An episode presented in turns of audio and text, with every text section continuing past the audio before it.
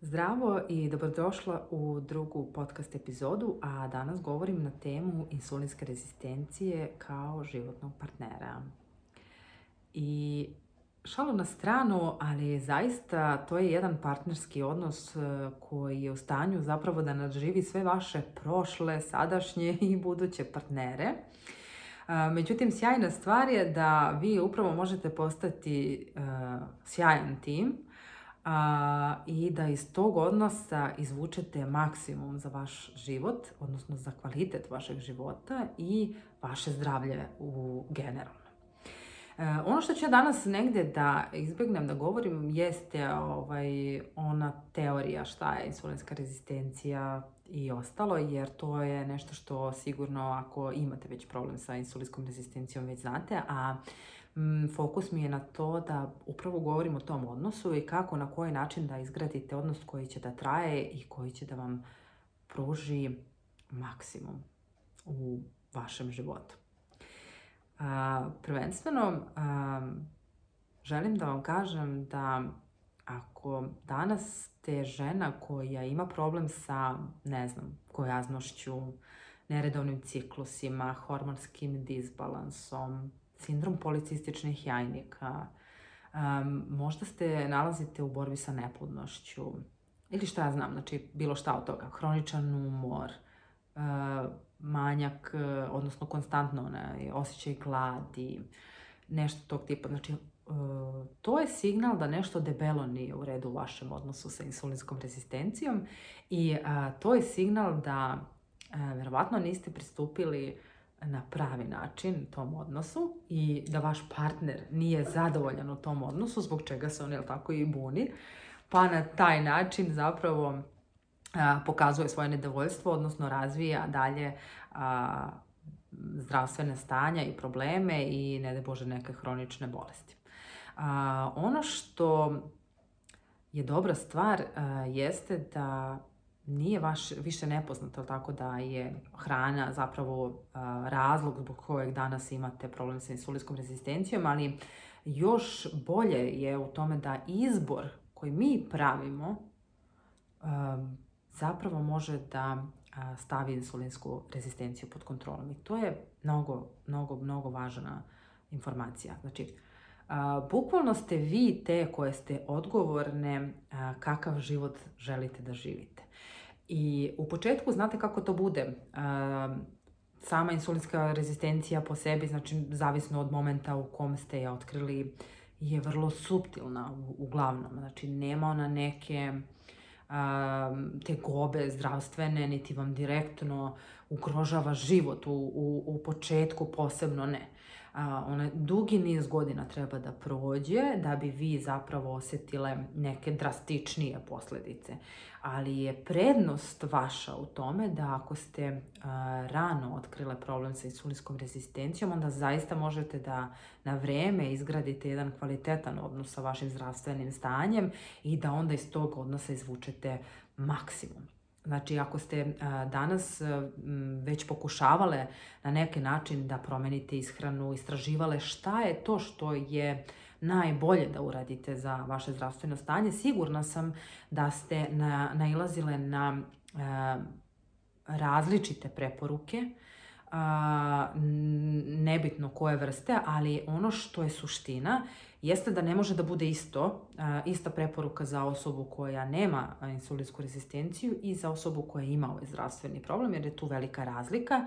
Znači, kada vi već imate dijagnozu insulinske rezistencije i svesni ste toga da je to vaša dijagnoza, onda ona preporuka da jedete umereno i da imate pet obroka dnevno padaju u vodu. E, prvenstveno, kada kažem da jedete umereno, znači ako je to nešto na što ste naišle da tipa možete da jedete sve, ali da, možete, ali da ograničite malo unos ovoga ili onoga, šta ja znam, ovaj, to je bukvalno kao da vam je neko rekao, e, kao da je neko rekao alkoholičaru, e, znate šta, pa pijte umereno pa ćete se izlečiti od alkoholizma.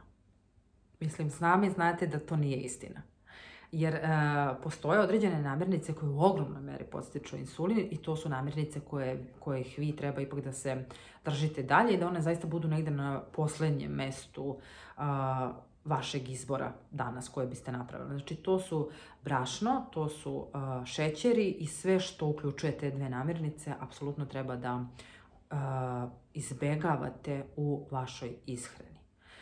Druga stvar, preporuka za, na primjer, za pet obroka dnevno svaki unos namirnice podstiče insulin u krvi. na, u slučaju kada vam neko kaže jel tako, da imate pet obroka dnevno, to znači zapravo da ste vi konstantno proizvodili, znači ceo dan vam je insulin u maksimumu i na taj način pankreas uopšte nije imao priliku, jel tako, ima kratku priliku da odmara. A šta je u stvari funkcija insulina? Insulin ima za funkciju zapravo da održava e, nivo glukoze u krvi, da ga spusti, tako, onog momenta kada vi unesete e, hranom, tako, e, nebitno. Znači ona se zapravo razlaže u glukozu u krvi i ona raste. Insulin samim tim znači, služi da on spusti, da održava taj nivo glukoze u normali. Međutim, kada vi konstantno jedete, i kod nebitno, imate pet obraka dnevno, možda nije, nemate pet, možda imate čak i više jer... Čak i sok koji popijete, ako ga pijete, postiče insulin. Znači, sve, sve igra ulogu. Znači, svaki unos namirnice postiče insulin. Sekundarna funkcija insulina jeste da višak glukoze i insulina zapravo skladišti u vidu masti kao energiju koju će telo da potroši kasnije.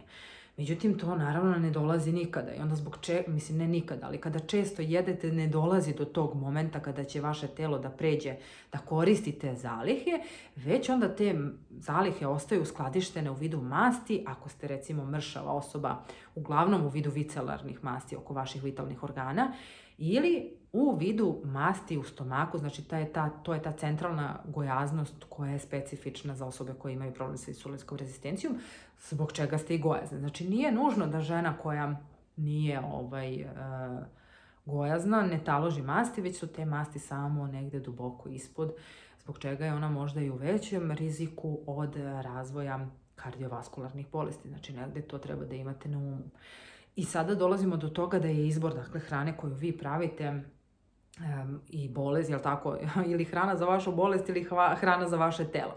Ono što je prava, e, pravo rješenje jeste zapravo e, ishrana sa niskim unosom ugljenih hidrata, jer na taj način vi zapravo dajete vašem telu šta je potrebno i e, naravno ne hranite vašu bolest, nego hranite vaše telo i iz njega ćete izvući onda maksimum u smislu energetskom. Druga stvar, kada se uobročite, odnosno kada koristite neki od ciklusa iz prekidanog posta, odnosno kada imate tri obroka u toku dana, dozvoljavate pankresu da se odmori. Ovo je jako važno jer je e, ispregidani post zapravo jedan sjajan alat koji, kojim sebi možete da pomognete da upravo rešite problem prekomerne gladi i žudnji za hranom ako imate problem. Znači, neko žudi za slatkišima, neko za nekim slanišima, neko za pecivom, neko možda za sva tri. Znači, to je sjajan alat koji će vam pomoći da istovremeno izgubite naravno i onaj više kilograma ako ste gojazna osoba. E sada ovo često, na primjer, žene koje nemaju taj problem sa Eh, viškom kilograma možda su u dilemi da li je to izbor za njih ili nije. Naravno, eh, osobe koje nemaju problem sa gojaznošću i ne treba da primenjuju ciklus iz prekidanog posta, već treba jedino da se održavaju, da se uobroče i da eh, imaju zapravo ta svoja tri obroka u toku dana. To je jedino gdje treba da bude fokus. Što se tiče same ishrane, ona je apsolutno ista. Bili vi gojazni ili ne, ako imate problem sa insulinskom rezistencijom, ishrana sa niskim unosom ugljenih hidrata je pravi izbor za vas. ovo dovodi mene negdje do toga da vam kažem da je zapravo izbor na nama. Da li ćemo mi da biramo iskustva kakva mi želimo da živimo u životu ili ćemo da čekamo da proživljavamo iskustva koja ne želimo je na nama. Znači kad kažem to koja ne želimo podrazumijem znači, da ne radite apsolutno ništa po tom pitanju već da sačekate da se razviju neke hronične bolesti pa da onda o tome razmišljate. Jer često žena, ne žena, ali to je negdje u ljudskoj svesti, u, u, u svima nama, ovaj, da moramo da sačekamo ne znam, da nam bude toliko loše da bi onda nešto preduzela. Mislim, zbog čega?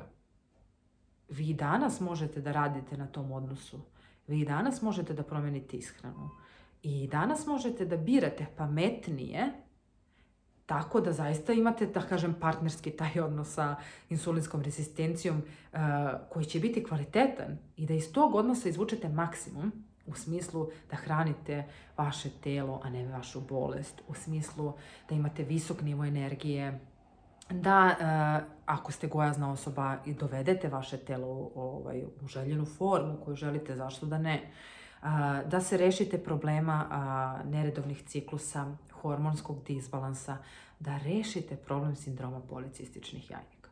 Dakle, e, mnogi zdravstveni problemi koje možda danas imate zavise jedino od vas, odnosno od vašeg odnosa sa hranom koji imate. I ključ rješenja je u tome da vi donesete odluku da promenite vaš život. Jer treba razmisliti o tome. Mi govorimo često koliko mi volimo sebe. A onda u stvari sebe stavljamo na posljednje mjesto. Jer šta, e, što je nama teško da promenimo ishranu? Razmislite o tome. Zbog čega moramo da čekamo da nam bude loše? da bi onda nešto preduzela kada to ne moramo. Znači imate divnog partnera koji samo traži da mu date ono što je njemu potrebno, a on će onda da radi za vas. I jedino na takav način zaista možete da izvučete maksimum. I uh, ako ste već danas razmišljali o tome i videli negde sebe da to možete da, da želite to da uradite, onda znajte da to i možete da uradite. Znači dovoljno je da donesete odluku da želite da živite kvalitetan život ili kakav god život da rešite da želite da živite. Jednostavno, neophodno vam je zdravo telo da vas podrži u tome. Zato nemojte da vam bude teško da napravite drugačiji izbor. Znači, ništa vi ne gubite, isto ćete jesti, samo ćete jesti kvalitetnije. Samo ćete biti zdraviji, samo ćete imati više energije.